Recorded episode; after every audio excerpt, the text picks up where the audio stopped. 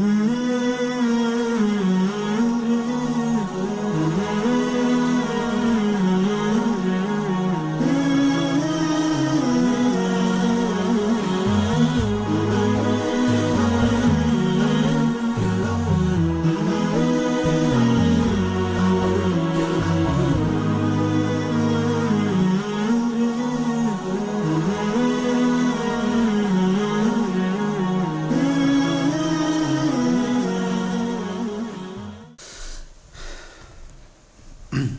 الشيطان الرجيم.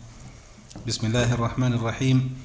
إن الحمد لله نحمده ونستعينه ونستغفره ونعوذ بالله من شرور أنفسنا ومن سيئات أعمالنا. من يهده الله فلا مضل له ومن يضلل فلا هادي له. وأشهد أن لا إله إلا الله وحده لا شريك له. وأشهد أن محمدا عبده ورسوله. أما بعد. Prije nego što počnem, hoću da se zahvalim našoj vrijednoj braći koji su organizovali ova predavanja i koji inače organizuju i koji su e, požrtvovani na ovom putu, pogotovo u ovom vremenu u kome se mi danas nalazimo, koji je teško za muslimane, a pogotovo za omladinu koja je uglavnom večeras na ovom ovdje skupu. I hoću da se vama zahvalim koji ste izdvojili svoje vrijeme i koji ste došli da se večeras družimo i da pokušamo okoristiti se prvo ja pa onda i vi. E, večerašnja tema nekako se uklapa uklapa se sa otprilike ovim e, nedavnim hoću, mogu se komotno izrasti napasnim e, medijskim javljanjem ili objavljivanjem te neke parade kako je oni zovu e, parada ponosa, a ona je daleko od ponosa. I upravo mi večeras E, ćemo pokušati da spomenemo te neke uzročnike takvi i inače svih ostalih griješenja ili grijeha koje muslimani, a uopšteno znači čovjek može da upadne. Teško će biti večeras sve spomenuti uzročnike ili uzroke tih grijeha, pogotovo da se, ako budemo htjeli da, ili ako bude bilo vremena da se spomenu i njihovi lijet, lijet, njihovo liječenje, znači kako zaliješiti ili kako izliješiti te onaj uzročnike. Tako da mi ćemo pokušati pa dokle stignemo. S obzirom da smo sa vremenom ograničeni, ušli smo u period gdje se uglavnom predavanja uh, održavaju posle akšama, između akšama i jacije, tako da je vrijeme skučeno. Ja sam ograničen sa vremenom i pokušat ćemo večeras da neke od, da kažemo, tih uzro, uzroka da spomenemo. E, što se tiče uopštenog grijeha, grijeh je definisan e, na taj način ono što čovjeka tišti u prsima njegovim i ono što ne bi mogao da radi pred drugim ljudima. Ako čovjeka tišti u prsima ono što on radi, zasigurno znajte, onda kada je sam, zasigurno znajte da je to nešto što je grijeh, ono što Allah znači ne voli. E, što se tiče sami kategorisanja, da kažemo, tih grijeha ili podjela tih grijeha, jeste u toj islamskoj terminologiji, terminologiji oni se dijeli na te male i, te, i velike grijehe. Mi večeras ćemo pokušati dotakjeti se e, nekih velikih grijeha, jer oni su, da kažemo, e, problem u našem društvu. Mali grijesi nisu problem, zašto? Zato što oni ne trebaju poseban tretman što se tiče samog čovjeka i što se tiče islama naspram, naspram malih grijeha. Što se tiče znači griješenja kaže Allah kaže Allahu poslanik sa selam znači kullu bani adam khata. Znači nema čovjeka. Svi e, sinovi Ademovi su griješnici. Tako da je nemoguće zamisliti čovjeka bez grijeha. Tako da je u svojstvu opisa čovjeka jeste opisan kao griješan čovjek. I to nije znači problem. Problem je što čovjek koji ustrajava u grijehu i to je ono što Allah subhanahu wa ta'ala znači sankcionisat će i ono zašto će kazniti e, većinu ljudi na Dunjaluku, a nekome će to biti kazna i na Dunjaluku i na Ahiretu da nas Allah subhanahu wa ta'ala sačuva toga. Što se tiče znači griješenja, e, ovdje znači polazak svakog čovjeka ili na razmišljanje kulubeni Adam hata, znači svi sinovi Ademu su grešnici, međutim kaže poslanik sallallahu alejhi ve sellem u khairu khata'ina atawabun znači najbolji su griješnici oni koji kada učine grijeh znači pokaju se oni koji se kaju za svoje grijehe. Tako da šejtan je se zakleo Allahu subhanahu wa ta'ala da će zavoditi i skretati sa pravoga puta sinove Adamove i e, ljudski rod, da kažemo čovjeka, i Allah mu je subhanahu wa ta'ala znači dao roka do sudnjega dana. I to mi bili svjesni ili ne bili svjesni, to je tako. Allah subhanahu wa ta'ala e, poredao, da kažemo, ili napravio poredak na zemlji. Međutim, na nama, ljudima, jeste da se borimo borimo sa našim grijesima i da ne ustrajavamo u tim grijesima, jer ono što će čovjek biti kažnjen jeste upravo ako ustrajava u tome grijehu. Zato islamska ulema kada pričaju o grijehu i griješenju, kaže ma nezele bela'un fil ard au ala ređul illa bi zemb wala jerfauhu Allahu illa bi taube. Kaže ni jedan belaj nije spušten na zemlju ili kod čovjeka ili u porodci ili jednom društvu ili jednoj državi, kaže illa bi them, Kaže osim zbog grijeha koje čovjek čini. Znači Allah subhanahu wa ta'ala znači je spustio belaje od pojedinca, porodice, zajednice, grada, države, čitavog umeta, znači Allah subhanahu wa ta'ala znači kada spušta belaj, on ga spušta sa razlogom, a to jeste naši grijesi. Kaže, vola jerfauhu ila bi taube. A Allah taj, da kažemo, belaj neće podići ili neće čovjeka uh, zaštititi ili izliječiti ili spriječiti osim bitauba ila bitauba. Uh, e, sa tom pokajanjem E, mi dobro znamo što se tiče samo kajanja i to je bitno ovdje je prilika da se spomene uh, spomenuli smo da nije problem znači svaki čovjek će upasti u grije ali mora se čovjek musliman mora se znači kajati Ja ću spomenuti ono što je Allah spomenuo i izdvojio vjernike grešnike u Koranu. Vjernike grešnike. Imate obične grešnike koji svakodnevno rade ili upadaju u grijeh i ne osvrću se na taj grijeh. Ali vjernici griješnici, oni su izdvojeni i opisani kuranskim ajetom gdje Allah subhanahu wa ta'ala kaže الَّذِينَ فَعَلُوا فَاهِشَةً أَوْ ظَلَمُوا أَنفُسَهُمْ ذَكَرُوا اللَّهَ فاستغفروا لذنوبهم ومن يغفر الذنوب الا الله ولم يصروا على ما فعلوا وهم يعلمون Ovo su tri svojstva vjernika, griješnika i ovo je toliko bitna stvar. I ako ovo budemo razumjeli, nema problema za naše grijehe. E, ma koliki oni bili, znači nije problem ako budemo razumjeli ovaj ajet i ako se budemo ponašali shodno ovome ajetu. Kaže Allah subhanahu wa ta'ala, Aladine fa'alu fahišete ne udalimo anfusahum, kaže oni koji urade neku fahešu ili neki uh, grijeh ili neš, neko nevaljelo djelo, e aw udalemo anfusom ili se ogriješe prema sebi. Jer čovjek koji uradi grijehe ne, ne šteti Allahu subhanahu wa ta'ala, nego samo sebi čini nepravdu. A udalemo anfusom prvo svojstvo vjernika, grešnika, kaže zekerullah. Sjeti se da ima gospodar koji će ga šta pitati za taj njegov grijeh ili, ili će ga kazniti za taj njegov grijeh. Kaže, prvo svojstvo tog vjernika jeste, kaže, zekerullah. Sjeti se da gospodar ima koji će kažnjavati za te grijehe. Kaže, festokvaru li donobi. Drugo svojstvo tog vjernika, griješnika jeste automatski, znači čim upadne u grije, kaže riječima, kaže, estagfirullah, Allahu moj oprosti mi moj grije. I to, je, to su otprilike uvjeti ili šartovi da bi Allah primio čovjeku njegov, e, njegovu teubu i njegovo pokajanje. Kaže, festokvaru لِذُنُوبِهِمْ kaže, وَمَنْ jagfiru ذُنُوبَ إِلَّا اللَّهِ A kaže, ko će oprostiti grijeh do Allah?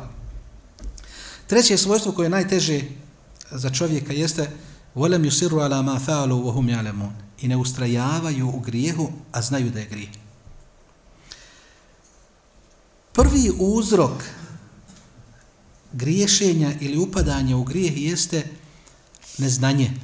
Vohum hum a oni znaju da je grije.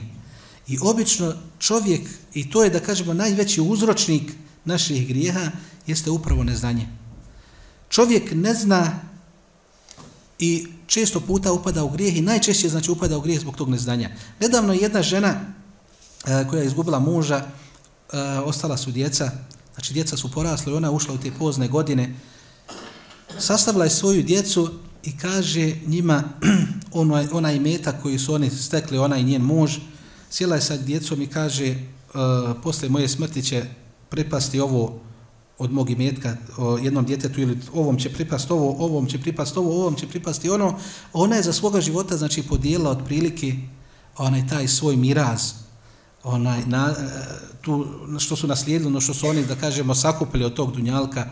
One. Međutim, E, ta žena nije znala da je Allah subhanahu wa ta'ala u Kur'anu precizno podijelio, da kažemo, i tu iz, e, ostavštinu, znači, poslije smrti. U Kur'anu ima, znači, precizno, Farajt se zove, znači, Allah je smatrala, znači, precizno onaj, odredio kome šta pripada. I zato kaže Allahu poslanik sa selem, la wasijete li luarith. Nema oporuke za ono kako nasljeđuje. U kuranskom pravilu, li dhekere mitlu hadhilu unthajin, kaže, muškarcu pripada kod dvijema ženama. E to su da kažem neke osnove u Koranu. Ova žena nije znala i ona je to uradila. Međutim, mi ovdje u Bosni i Hercegovini prije rata, kada bi pričali na ovu temu, mogli bi naći ljudima velika opravdanja i puno opravdanja bi mogli naći za neznanje koje ljudi danas čine, da kažemo, grijehe iz neznanja. Imali bi razloga i da im tražimo opravdanje i mogli bi im puno opravdanja naći. Međutim, danas nema ni jedan musliman, bošnjak, nema opravdanja za svoje neznanje. E, prije rata, ovi stariji bolje znaju e, vrijednost ili, ili e, vrijednost Kur'ana prevoda je bio otprilike e, onako kako je meni moj babo prenio, kaže vrijednosti krave Tako ti ljudi na selima su onaj, tako vrijedno. Otprilike neki možda 1300, 1500 do, 1000, do 2000 maraka je bio prevod Kur'ana. Danas nema Haman kuće koja nema jedan ili dva ili tri prevoda Kur'ana. Tako da čovjek danas nema opravdanja da ne zna. I zato Allah kaže, subhanahu wa ta'ala, znači, reći će na sudnjem danu, وَكِفُوهُمْ إِنَّهُمْ مَسْئُولُونَ Znači, zaustavite ih. Na sudnjem danu će biti svaki čovjek zaustavljen. Allah će, subhanahu wa ta'ala, narediti melekima, وَكِفُوهُمْ zaustavite innahum mes'ulun. Oni moraju biti pitani i odgovarati za svoje za svoja nedjela koja su učinili na dunjaluku. Tako da nema čovjek opravdanja za ono što što ne zna. I zato čovjek je obavezan, i zato kaže Allah poslani sada sam, talebul ilmi faridatun ala kuli muslim. I u jednom rivajetu o muslime, šeha Albani, rahmatullahi on kaže da ovaj dio uh, hadisa koji se odnosi na žene, da nije vjerodostojan. Međutim, ima značenje, uh, Feridatul uh, talebul ilmi, znači traženje znanja i traženje znači onaj, znanja ili izučavanje islama, prvenstveno islama, a ostale isto vidjet ćete da je uh, kuranskim majetom obuhvaćeno i drugo znanje, ali se na prvo mjesto misli Kur'an, uh, islamsko znanje. Kaže, talebul ilmi feridatun ala kulli muslim. Znači, traženje znanja je farz, stroga obaveza za svakog muslimana i muslimanki. Znači, stroga obaveza. I zato, ako vidimo, vratimo se na, da kažemo, mi smo muslimani, prvenstveno zbog naše, naše Kur'ana. E, naša knjiga je Kur'an i mi smo, da kažemo, e, praktikujući Kur'an, mi smo muslimani. Čovjek koji ne praktikuje Kur'an, koji ne zna za Kur'an, ne može se svrstati u muslimane, ne zna ništa. E, I onda ćemo vidjeti da e, prvi imperativi, da kažemo, Allah subhanahu wa ta'ala se obraća e, ehlul Kur'an ili, ili sljedbenicima Islama, sljedbenicima Kur'ana, prvi imperativ ili prve riječi koje je objavio Allah subhanahu ta'ala, znači nama manje više podanatno ikra. I mi smo ummetul ikre. Čitaj, izučavaj, proučavaj, uči. Mi smo ummet ikre. Međutim, evo da budemo e, objektivni, da li smo mi sad ummet ikre? Apsolutno. Mi smo ummet koji je Haman najzadnji ummet. Znači koji je naj, da kažemo, u najgoroj situaciji danas u svijetu, kad pogledamo, vidjet ćete muslimanstvo u naj, naj, da kažemo, jednoj goroj, najgoroj situaciji. A razlog tome je upravo što smo ostavili znanje. Kada smo držali se znanja i kada smo uh, izučavali, bili vezani za znanje, za nauku, Allah nas je uzdigao da kažemo i bili smo Prednjačili smo nad svim drugim umetima i bilo je vremena kad smo Haman trećinu zemaljske kugle uh, E, mi vodili i bila je ta zemaljska, trećina zemaljske kugle bila je pod, vla, e, pod vođstvom ili da kažemo pod e, emanetom muslimana. A taj položaj je samo upravo, upravo znači, na, taj, na taj položaj Allah smo znači, uzdigao čovjeka samo zbog znanja, zbog znači, onoga, zbog one znanja kojeg su oni primijeli da kažemo, u praksu. I zato Allah subhanahu wa ta'ala kaže što tiče znanja samo, kaže yerfa ilahu ladina amanu minkum wa ladina utul ilma darajat. Allah će uzdigniti vjernike na posebno mjesto. I ovdje u ovom ajetu je odvojio, razdvojio wa utul ilme darajat. I one kome je dato znanje, znači na posebna mjesta. Ako vidimo, eh, danas je zapad i kako ispred muslimana, znači nema sumnje u to.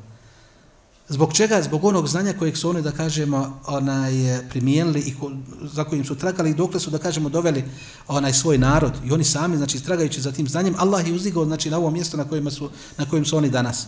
Zbog čega? Zbog tog znanja. Mi muslimani smo na posebnom, da kažemo, stepenu zato što uh, imamo vrijednost čovjek koji umre kao musliman, kao u imanu, imaće poseban stepen, to se odnosi na džennet, ako umremo u, u imanu i molimo nada nas usmrti u islamu i da budemo od vjernika koji će umrijeti znači u imanu. Taj stepen je znači ako uspjednemo da održimo svoj iman, taj stepen ćemo dobiti onaj u džennetu, ali ako ostavimo znanje na dunjalku nećemo imati taj stepen koji imaju oni koji su uzeli znanje. Oni koji su uzeli znanje, Allah je postavio na posebno, poseban stepen zato što je upravo Allah smo dala obećao valedina utul ilme deređat, da će Allah uzignuti znači, ljude kojima je dato znanje na poseban stepen. Ne, ne obazirujući se, je li to čovjek vjerni koji zna za Allaha subhanahu wa ta'ala ili ne zna za, za Allaha. Uzeo je znanje pa ga Allah zbog tog znanja postavio na, na o, banalan primjer, primjer jeste može li voditi neku uglednu firmu čovjek koji nema znanje i zvanje? Koji nije stvarno znači završio znači i, i usavršio se u toj da kažemo oblasti. Znači znanje ga je postavilo da bude vodeći čovjek u toj nekoj firmi bilo kojoj da kažemo firmi koju mi danas možemo zamisliti. Znači, znanje ga postavilo na tu, na tu poziciju, na, na čelo te firme. Tako da je to jedno, jasna stvar. Kako, da kažemo, izliječiti, kako izliječiti tu bolest, bolestne znanje? Znači, mora se apelovati na muslimane, pogotovo da smo mi umet, umet ikre, smo mi umet znanja, da mi moramo istraživati, da moramo, znanje, moramo uh, učiti kako bi spriječili, da kažemo, tu bolest koja je obuhvatila nas, nas muslimane. E, kada je pitanje znanje uvijek, često puta se postavlja pitanje kako ili šta staviti na prioritet tog znanja. Nema sumnje da mi muslimani, nama je prioritet da upoznamo sebe. Da upoznamo znači islam, mi smo muslimani da upoznamo islam. I vrlo jednostavno i lagano. Ne treba uopšte mudrovati, ne treba biti nešto posebno mudar. Mi muslimani se moramo udostojiti, moramo se disciplinovati da pročitamo Kur'an, barem jednom u životu. E, rađene su nekada, kažemo, onaj, anketiranje bilo, vjerujte, zastrašujući su, da kažem, rezultati. Ja sam pričao sa jednim čovjekom, pa mislio sam neki možda 60%, pa možda do 70% bošnjaka je, rekao, nije se udostojila da pročita barem jednom u životu Kur'an da zna pojmove o islamu. Kur'an je jednako islam, jednako je musliman i obrni ga iz, iz, iz prepletaj kako god hoćeš te tri, da kažem, komponente, kako gdje god da ih staviš, one su, znači, jednakost je ona, između njih. Znači, musliman, islam i Kur'an. Kako god da ih stavite, znači, ne može biti musliman bez Kur'ana, niti može biti, e, niti ima islama bez Kur'ana, niti ima islama, islama bez muslimana.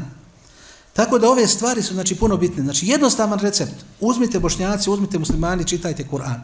Allah je subhanahu wa ta'ala uzdigao onu generaciju koja se nikada neće pojaviti na zemaljskoj kugli. Samo sa Kur'anom ga samo sa Kur'anom je uzdigao tu generaciju.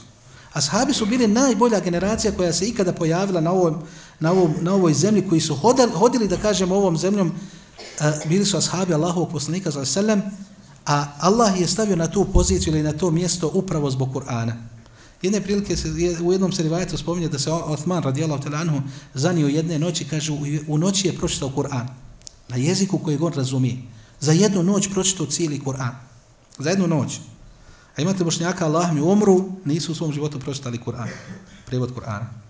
Ima jedna anegdota, meni se svidjela, odnosno anegdota, jedan događaj koji se nedavno desio ovdje, kod nas u Sarajevu, na pijaci ovdje, e, na pijaci na tim tezgama su bošnjaci koji su prodavali, do njih je bio jedan pravoslavac, srbin, pa su oni se raspravljali oko islamskih nekih pitanja, a niko, sve gori od gore, niko ne zna, man, ono je posebno, nešto posebno da kažemo islamu. Kaže, dok su se oni raspravljali, znači ovaj pravoslavac Srbin je njih ispravljao. Jedan put je ispravio, pa drugi puta, pa treći puta je ispravio. Kako imamo Bošnjaku jednom poreklo, znači, otkud ti, zna, otkud ti to znaš? Otkud tebi da ti znaš? Kaže, ja tri puta pročitao prevod Korana. Kaže ovaj bošnjak, kaže, Allah mi nisam se prošao dok nisam pročitao Kur'an. Nisam se prošao dok nisam pročitao Kur'an. A ne uzeo sam prevod Kur'ana, odmah nabavio ga i znači, automatski sam pročitao. Znači, bilo me sramota, znači, da mene pravoslavac ispravlja u... u onaj. Međutim, e, ono što se desilo bošnjacima u proteklom ratu, mi smo ovdje većina svjedoci i ova mlađa generacija, oni su najmanju ruku, bili su djeca i sjećaju se toga, imaju danas slike. Onaj, ovaj, da kažemo, mi smo bošnjaci merhametli, previše narod merhametli. A upravo zato što ne znamo stvari, Islam je porijedao, znači stvari, znate kako dobro. La yuldegu e, mu'minu min džurhin marratin. Kaže Allah poslanik za selem, vjernika ne smije ujesti iz jedne rupe zmija dva puta. Ne smije ga ujesti, to je, to je islam. Isto što je islam kada je poslanik sallallahu alejhi ve sellem upitao men khairun nas, ko su najbolji ljudi? Kaže anfa'uhum lin nas. Oni koji, koji, oni koji najviše koriste ljudima. I nije ovdje izuzeo da kažemo vjernike i nevjernike, ili muslimane i nemuslimane. Najbolji su ljudi, oni koji najviše ljudima drugim koriste. U drugom privajetu kome vi, koji, vi, koji vi znate, kaže musliman ne smije zanoćiti, a njegov komšija da bude gladan.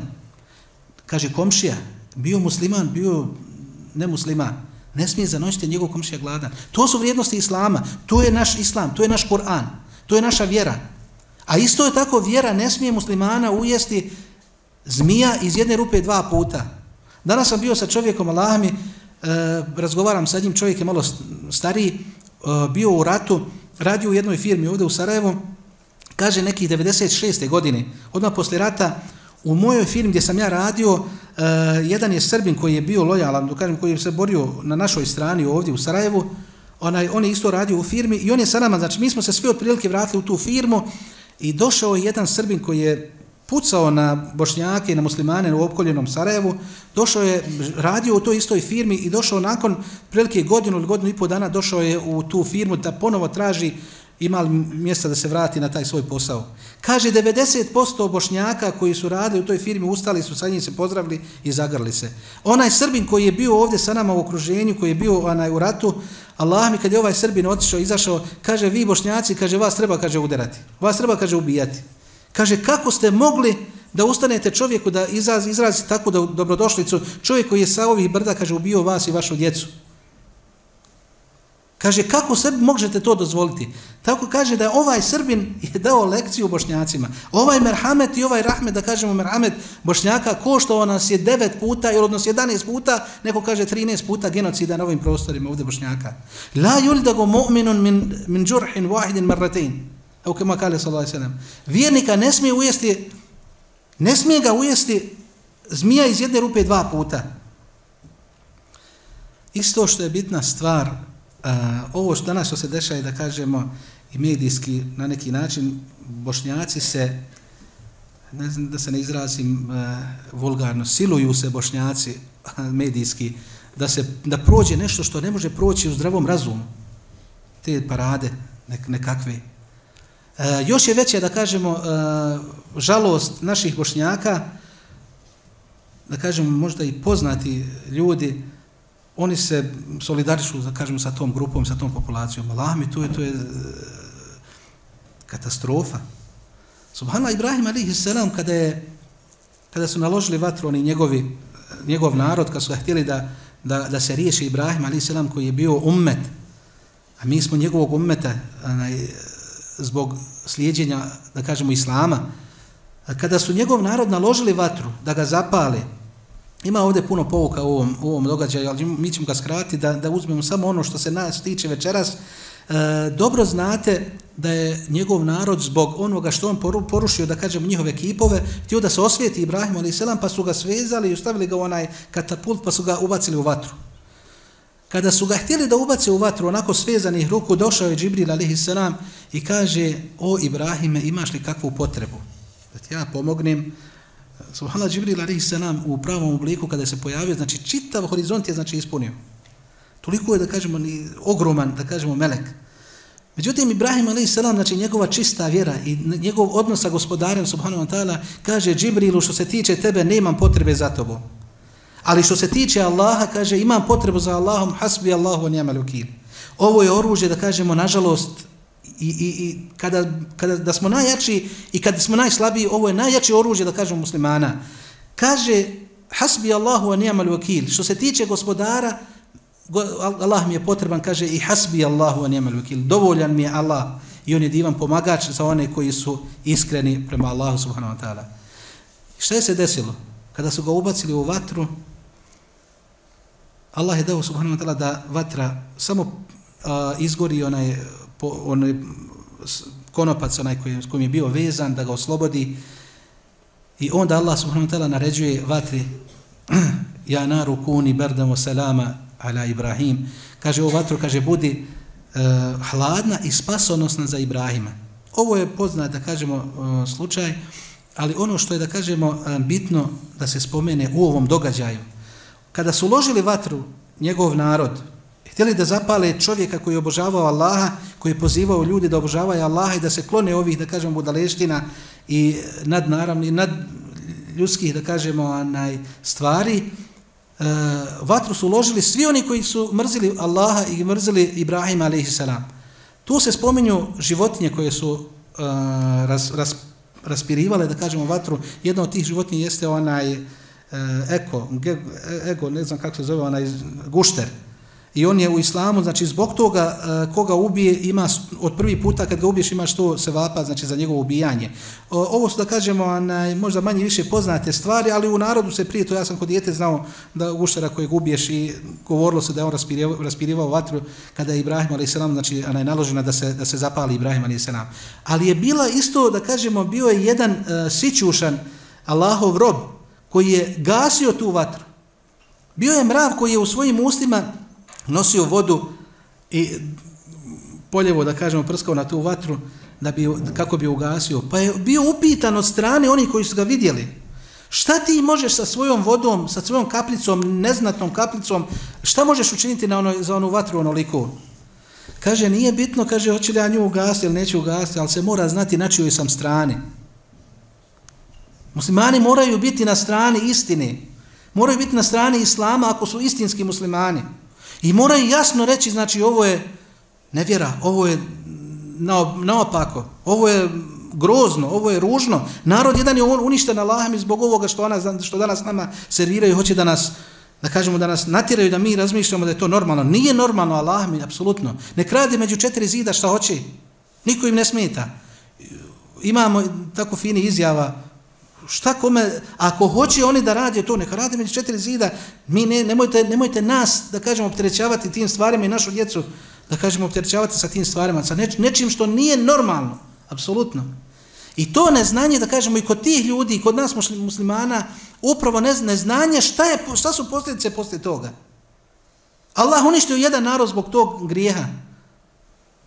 I zato muslimani moraju dići svoj, da kažemo, glas po pitanju ovih nad, nad ljudskih, da kažemo, bezveznih, da kažemo, tako glupih stvari, da nas opterećavaju sa tim. I nas, mi smo bošnjaci ovdje, ovo je, uh, svako je dobro došlo, da kažemo, u našu državu. Nemamo mi, kao muslimani, nemamo problema ni, ni, sa jednim, ni sa jednim narodom, ali imamo problema kad nam nameću nešto što nije, da kažemo, ne samo da nije islamski, islamski, znači, nije apsolutno ljudski, da je ne znam ti ko došao sa tim budalesima, čovjek će se, dignut će svoj glas i reći da to nije u redu. Normalno, čovjek ovdje ne smije glumiti policajca, ova država ima policiju, ima, da kažemo, svoje, onaj, e, svoje te službe koji su zaduženi za red i mir, da kažemo, u ovoj državi, treba biti odmjeren i po meni ne bi čovjek trebao apsolutno da napravi neki belaj i da zbog te gluposti da ode u zatvor zbog neke, da kažemo, toliko gluposti, nije vrijedno, nije vrijedno da čovjek e, svoju slobodu onaj žrtve zbog tih glup, gluposti. Ono Molim Allah smo da to se ne desi ovdje u našem gradu, da udalji naš neki dug, gdje god hoće imaju, široka im je zemlja, nek to radi u drugim mjestima. Što se tiče e, znanja, odnosno neznanje, to glavni je razlog, da kažemo, e, naših belaja i tih naših grijeha. Svakako, znanje je lijek, E, spomenuo sam, znači, najprvu stvar koju čovjek treba da izučava jeste Kur'an, da upozna sebe, da upozna kao muslimani, znači i ne muslimani, ja im preporučujem e, toplo da pročitaju Kur'an, da vide šta je islam, šta su, koje su vrijednosti u islamu, onaj, ne, nikom neće štetiti, neće nikom na, na, nauditi ili naškoditi. Muslimanima će naškoditi ako ne, ne čitaju Kur'an. Subhanallah, uh, Omer radijallahu ta'ala anhu, jedne prilike je pozvao namjesnika Mekke u Medinu. Jer je Eh, hilafet je bio, da kažemo, centar hilafeta bila Medina u to vrijeme, pa je pozvao namjesnika Mekke i došao je namjesnik Mekke u Medinu i pita ga Omer radijallahu ta'ala anhu, kaže, koga si ostavio kao zamjenika u Mekke? Kaže, ostavio sam Ibn Ebi Ebza. Kaže, ostavio sam tog nekog Ibn Ebi Ebza. Onaj. Kaže, ko ti je on? Kaže, jedan meula min mevali il Mekke. Kaže, rob od robova Mekke. Omer radijallahu anhu se toliko začudio kako si mogao ostaviti roba da bude namjesnik, tvoj zamjenik za sve muslimane u Mekke. Kaže, on je najznaniji, najznaniji po pitanju Kur'ana. Najznaniji po pitanju Kur'ana. Hafiz Kur'ana i dobro poznaje propise, da kažemo, Islama. Pogledajte, subhanallah, kako Kur'an uzdiže čovjeka. Omer radijallahu ta'ala anhu je znao ako bude uh, ostavio roba, da taj rob ima obaveze prema svome robovlasniku. Kako ćeš njega ostaviti na uh, svoga zamjenika? Mislio da on nije mogao da stigne, da on nauči islam i da bude namjesnik, da bude zamjenik onaj, muslimana ili namjesnika Mekke. Međutim, sve to, pored svojih obaveza, on je stigao znači, da nauči Kur'an i da nauči vjeru i sa tim ga Allah subhanahu wa ta'ala počasti i uzdigao da bude na čelu, da kažemo, jednog naroda u Mekke. Onda Omer radijallahu ta'ala anhu je rekao, sjetio sam se, kaže, riječi Allahovog poslanika, sallallahu sallam, kaže, inna hadal Kur'an jerfa'u bihi al aqwa, o jedao bihi al aharin. Kaže, doista ovaj Kur'an, kaže Allahov poslanik, sallallahu sallam, kaže, doista ovaj Kur'an, kaže, uzdiže ljude, znači postavlja i na posebno mjesto o jedao bihi al aharin, a isto tako znači spušta i ponižava ljude koji nisu koji se ne druže i koji nisu uzeli da žive po Kur'anu. Doista će znači biti e, čovjek ponižen ako ne bude se družio i ako ne bude upoznao Kur'an, a ovo se dešava i bošnjacima nažalost.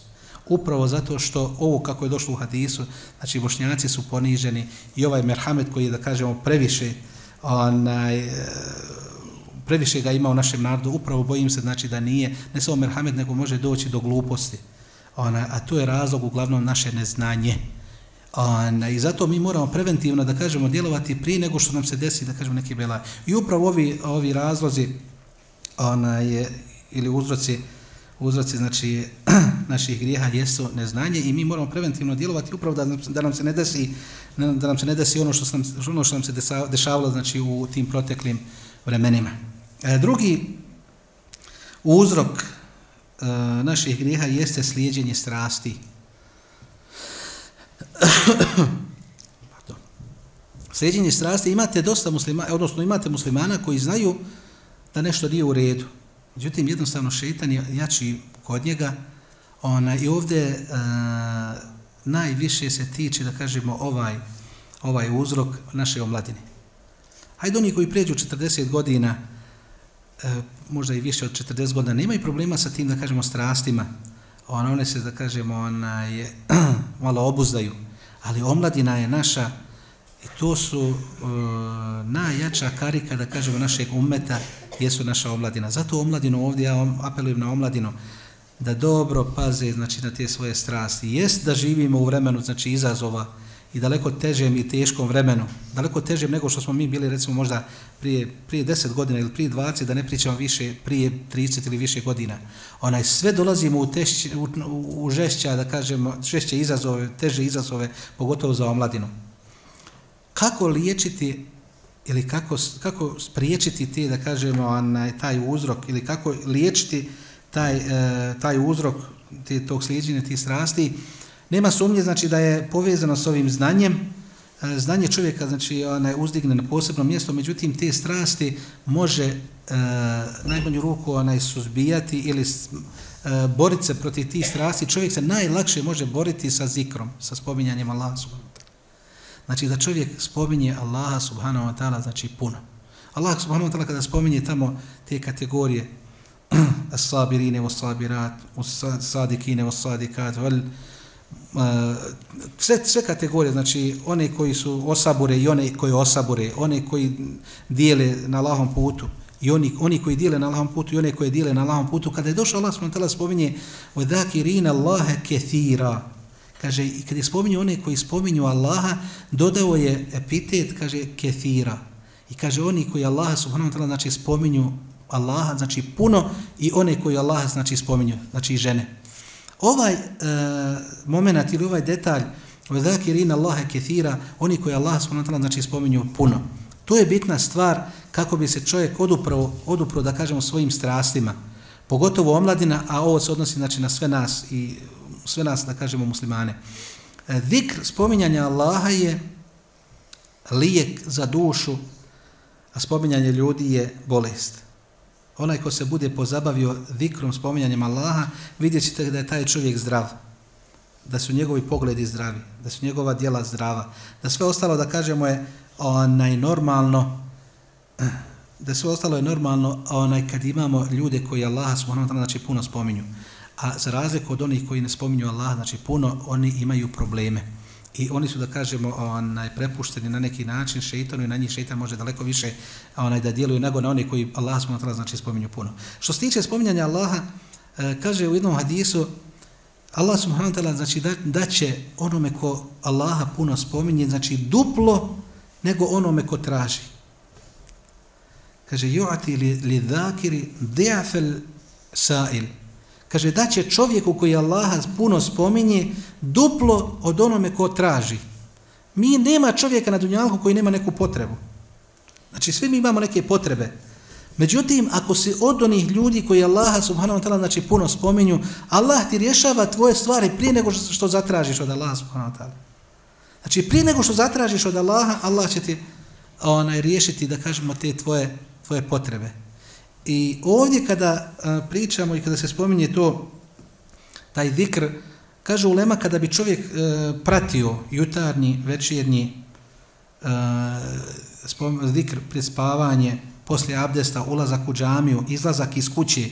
Znači ovdje da kažemo e, ustaljene zikrove ili koje smo mi, većina nas da kažemo znamo, znamo te stvari, Kada bi to samo znači e, upražnjavali i o tom vodili računa, kaže ušli bi u kategoriju ljudi koji Allaha subhanahu wa ta'ala znači puno spominju. Samo da te stvari pratimo. E, nema sumnje da zikr ili spominjanje Allaha je štit svakog vjernika i ono što oživljava naša srca i ono što kada čovjek e, ima živo srce, on ima ideje. I on se lahko može da kažemo boriti sa ovim izazovima koji koji, koji ga okružuju. Za razliku od čovjeka koji ne spominje Allaha puno, on je na neki način ona, izložen tim šeitanskim djelovanjem i on je na neki način onaj, u toj poziciji gdje lahko može upasti u te poroke, u, može upasti u grije.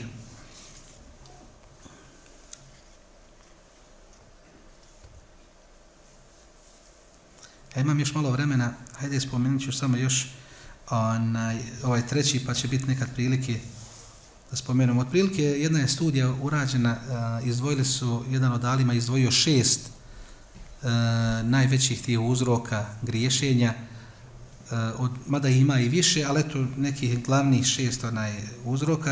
Ja ću spomenuti samo još ovaj treći i tu ću zavr, onaj, zaustaviti da bi iskoristili vrijeme jer imamo našeg gosta. A, treći uzrok griješenja jeste slijedjenje tradicije. I inače Kur'an uh, spominje na preko deset mjesta u negativnom kontekstu slijedjenje tradicije. Uh, mi smo zatekli naše očeve na ovome, pa se mi znači, povodimo za našim očevima. Onda tako u Kur'anu došlo.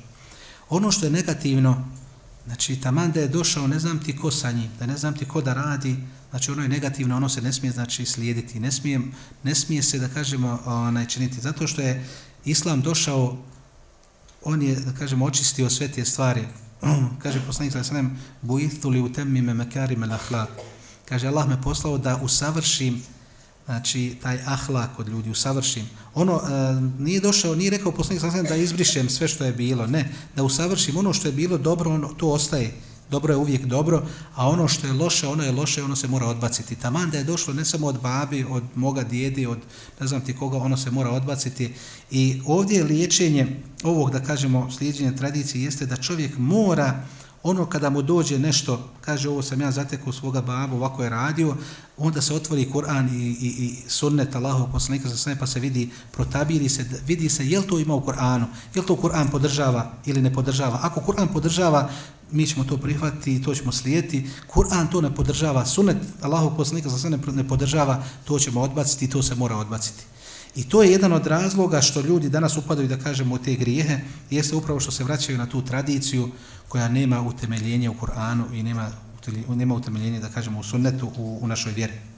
Ja ću ovdje zaustaviti e, i pozvaću našeg gosta Edija, e, kojeg manje, manje više mi ovdje koji smo večeras poznajemo toga našeg brata i našeg e, neumornog, da kažemo, čovjeka koji radi na polju vjere, on se, on, njegovo djelovanje uglavnom u Americi, da kažemo, koja je geografski ogromna zemlja, Eh, on je uspio sa svojim eh, tim islamskim eh, emisijama, da uradi znači ogroman hajr znači preko hiljadama da kažemo tih Amerikanaca je prihvatilo ili ko, ko, prihvatilo islam preko tog čovjeka i preko njegovih da kažemo emisija.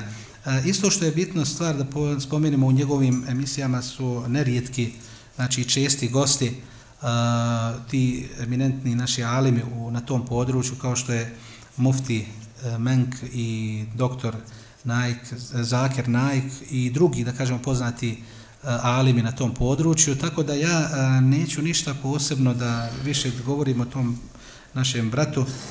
Volio njega, zamolio bi da on dođe, da nam se pridruži ovdje i da on ukratko, koliko bude vrijeme, znači, onaj, dozvolo da nam se on obrati i da kaže nešto o sebi i o svome radu na tom polju. A mi meni halalte, onaj, za... Dajte nam tu stolcu, daj nam jednu stolcu. Kako si? Dobro nam baš.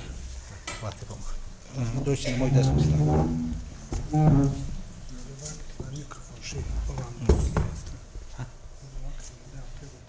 Aha, odlično. Ajde. Mm-hmm.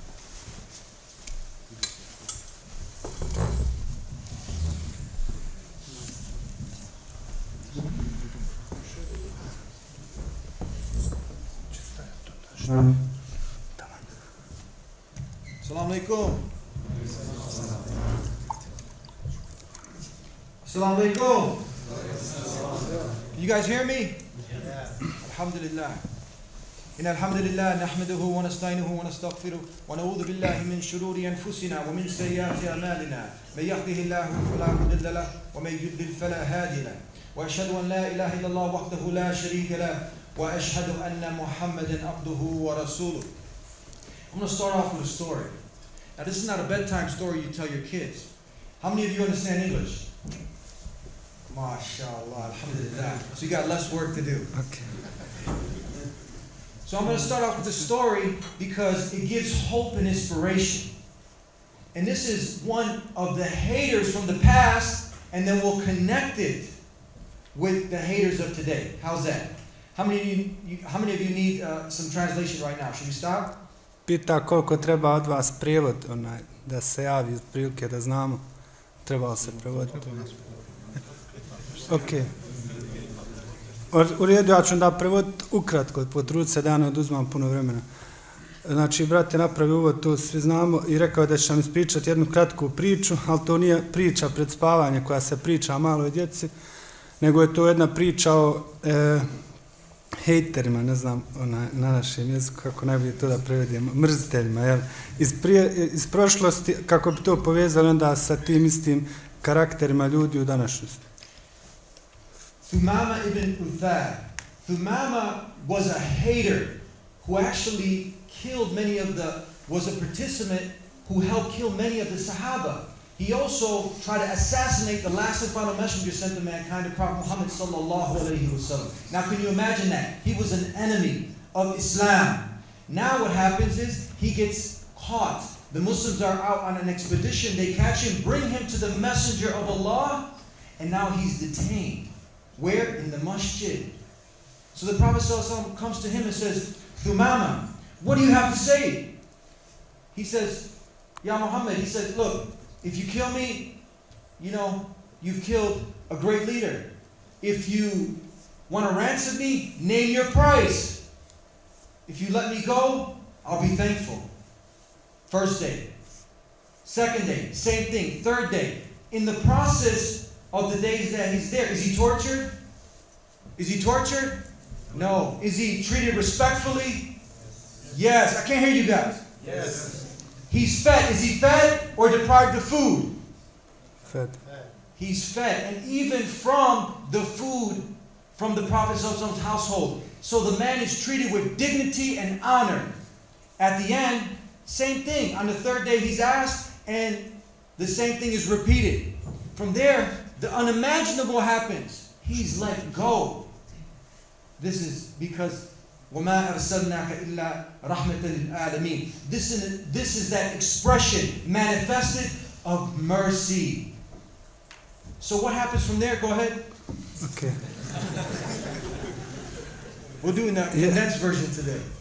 Jedan od e, lidera mušika od ova poslanika sa Selem se zvao Stomama i on je ubio mnoge muslimane i bio je sebe u ubijanju mnogih muslimana i onda je za vrijeme e, medinskog perioda on bio uhapšen i bio je tri dana zarobljen u, u, mes, u mešću poslanika sallallahu alaihi ve i sva ta tri dana on je bio e, tu hranjen i tretiran jel, na najljepši način. Kako znamo da su e, muslimani tretirali zarobljenike i tada onaj, u doba poslanika sallallahu alejhi ve i kada ga je e, poslanik sallallahu alejhi ve sellem pitao e, šta ti imaš da kažeš na ovo? Sve, on je rekao ako me ubiješ, ubićeš velikog lidera, ako me pustiš, ako ima neka cijena za moje oslobađanje, reci kolika je. And after three days he was released. He was released. I nakon tri dana je on bio oslobođen, zato što poslanik ve sellem došao kao milost svim svjetom. He comes back shortly sometime later and he's wet. I can you imagine? He's dripping, he's wet, he's coming back. They just, now the Sahaba are probably bewildered also. They're like, Thumama, what are you doing? You're coming back. And as he comes back, he says, O Messenger of Allah, he came to testify that there's nothing worthy of worship except the creator of the heavens and the earth. And you, O Muhammad, are the messenger of Allah. An la ilaha illallah wa anna Muhammadan abduhu wa rasuluh. He came back and he says, I left because I didn't want to I didn't want people to talk, to think that I was coerced. So he went, made ghusl, and he came back. And then he said the famous words.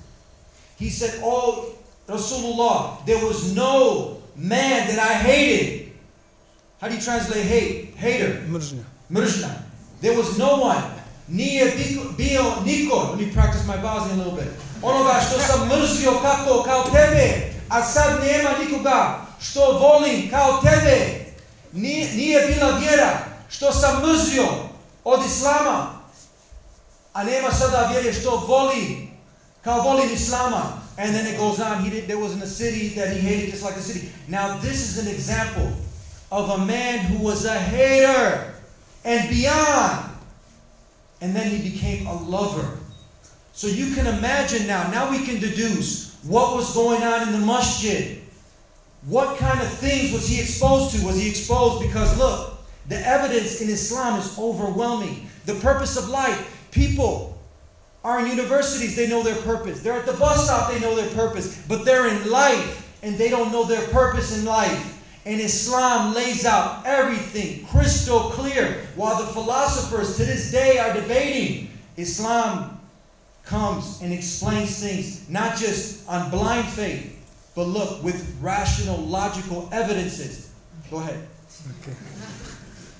Znači, nakon što je Thumama oslobođen, vjerojatno ste i koji ne razumijete shvatili, znači on se vratio, gusio se uzeo, uzeo abdest, gusio se i došao i, i izgovorio šehadet i rekao da je to uradio i čekao da ga oslobode, da ne bi ljudi pričali da je primio islam samo zato što je bio zarobljenik, nego je kao slobodan čovjek došao i primio islam i onda ste čuli na Edijevom, mašala, malo krnjavom bosanskom, jel, kako je to rekao da mu je e, poslanik sa 8% najdraži. Onda govori činjenicu, znači to je bio jedan hater, znači neko ko je mrzio islam više od svega, a onda je postao ljubitelj islama i jedan od ono što se kaže zakreti sljedbenika i najčušći sljedbenika islama.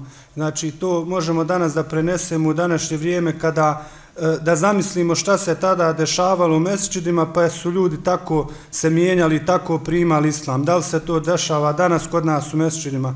Jer islam je takav u praksi da daje objašnjenja i suštinu života ljudima i onda na taj način mijenja ljude. I onda navodi brat Edi primjer, ako čovjek stoji danas na autobuskoj stanci, zna zašto je tu došao. Ako nešto drugo radi, zna zašto to radi, a nažalost većina ljudi danas ne znaju šta im je pojenta u životu, ono, šta je suština života. A islam je tu uprkos filozofima koji su izgubljeni svim naučnicima da kristalno jasno odredi i definiše taj smisao života. Now let's bring it back to a Times Magazine article. In the late 70s, in April, they published a report talking about exposing the amount of books over a span from 1800 to 1950. Now, can you imagine? Over a span of 150 years, over 60,000, 60,000 books written against Islam, haters of today. So that's over one book a day. Al Jazeera just recently did a report, just in Australia in 2017. They caught about 3,000 articles that had mentioned Islamic or Muslim, and right in the same articles associating with violence, terrorism, radical extremism. So, this is the hate machine that's being funded. You have a business that's being perpetuated of hate. Over a quarter of a million dollars is spent annually creating fear and havoc spreading misinformation and lies and distortion about Islam. Ok, sada uh, povezujemo sa modernim vremenom uh, u periodu od 150 godina. How many books? in 150? 60,000. 60.000 knjiga, to je bio članak u New York Times u 70. godina gdje su, defensa, gdje su istražili, znači u 150 godina 60.000 knjiga napisano protiv Islama. I također novi, e, sada Al Jazeera objavila neke činjenice kako istražuje ovaj incident na Novom Zelandu, da su u 2017. mnogi članci u novinama i u raznim medijima napisani gdje su istim člancima spominje islam i nasilje, terorizam i negativna konotacija. Znači ovo je velika skupa industrija koja postoji, znači u to doba, je, doba poslanika su postali takvi ljudi, a danas postoji industrija i mašine tih hejtera i ljudi koji pokušavaju da degradiraju i prikažu islam u pogrešnom svijetu. Now we know also in these recent times with the presidency coming into effect and the Muslim ban from certain countries, and I'll begin to wrap up, we've had more attacks on masjid, we had more attacks on women, on men, on Muslims, but at the same time, we have a 1-800 number that people can call. And my good friend who runs Game Peace, Dr. Sabio, because we shift people if they have any questions to go ahead and call, and we're there to help. And in the span of over a decade that this number has been established, that more people now during this time have called than ever before, and we've had more people accept Islam than ever before. Alhamdulillah. So now, what I want to leave you guys with is something very important. Can I translate first? Uh, go ahead. Uh, znači, u Americi uh, Edi i braća tamo u tom dijelu našeg umeta imaju broj uh, 1800 samo sabira kao 911, ima tako broj za islam, kad god neko ima neko pitanje ili bilo šta vezano za islam da pita nepno musliman ili nije musliman, postoji taj broj koji mogu nazvati. Sada ovo doba kada je neka kulminacija mržnje protiv islama i predsjednik e, njihov govori o nekim raznim zabranama za muslimane i tako dalje, e, brat Edi govori kako je sada u ovom proteklom periodu posljednjem daleko najveći broj ljudi koji se javljaju na taj broj i još još daleko veći broj ljudi koji primaju islam, više nego ikad od kad je taj broj uspostavljen u Americi.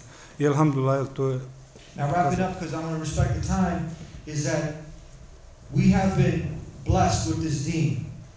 As we're grounded with it, it's our duty to do our best to not only live it with the best akhlaq, the best manners and best etiquettes, but to go ahead and this story is supposed to give us hope to know that even the worst of the worst of haters, and I've interviewed people from the English, English Defense League, uh, individuals who are political parties that were out there propagating hate against Islam, but when they got exposed to Islam, they made the human connection. The dawah hit them, and they were sincere. Hearts have changed. People just like Thumama, who were haters at one time, they became lovers and are standing in the subs worshiping the one God, alhamdulillah. So I leave you guys with that. We established a program, one of the first and only Islamic TV talk shows, helping to clear the many misconceptions, and there's a ton of them, highlighting people's stories. And the good news is that now we also have the D show Balkans.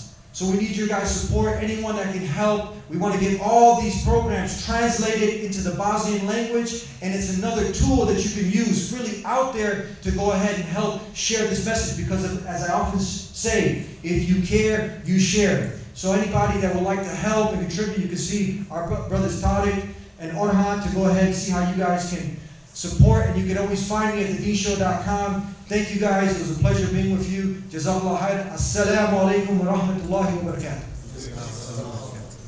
Evo ja ću kratko predstavu zaključne riječi. Znači, e, brat Edi govori da zna njegov primjer, oni koji pokušavaju da slijede sunet poslanika sa ostavim, da ne samo praktiku islam na najljepši mogući način, nego da pokušavaju svojim pristupom i dijeljenjem svega onoga što je islam i što prikazuje islam e, sa svim ljudima i onima koji najviše mrze, pa on navodi primjere ljudi s kojima on razgovarao od nekih radikalnih partija u Engleskoj, u Americi, ljudima koji su bili otvoreni mrstelji islama, pa se desilo i da oni e, sebe, brata Edija i drugih daja na zapadu prime islam i stanu u saf sa ostalim muslimanima, tako da i mi ima, trebamo taj duh da ojačamo i brat nas na to postiče da budemo i mi od daja, svi pojedinci, E, i samim tim e, dolazeći ovdje, brat Tedi e, pokušava da nam da još jedan alat u ruke, a to je taj e, din show koji imaju u Americi, koji on e, vodi, prevodi se sada i na naš jezik i postoji YouTube kanal Din Show Balkans, koji, ako Bog da, eto, bit će kroz naše ove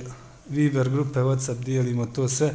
Pa ako boja svi ćete imati priliku da to pogledate, da šerujete, da podijelite i možda da i to vam bude olakšica nekada da se razbiju neke e, predrasude u islamu kojih ima, što bi ja naš daje rekao, kamion. Tako je, to je to. Salam alaikum, u ime svi u nas, salam da sakre.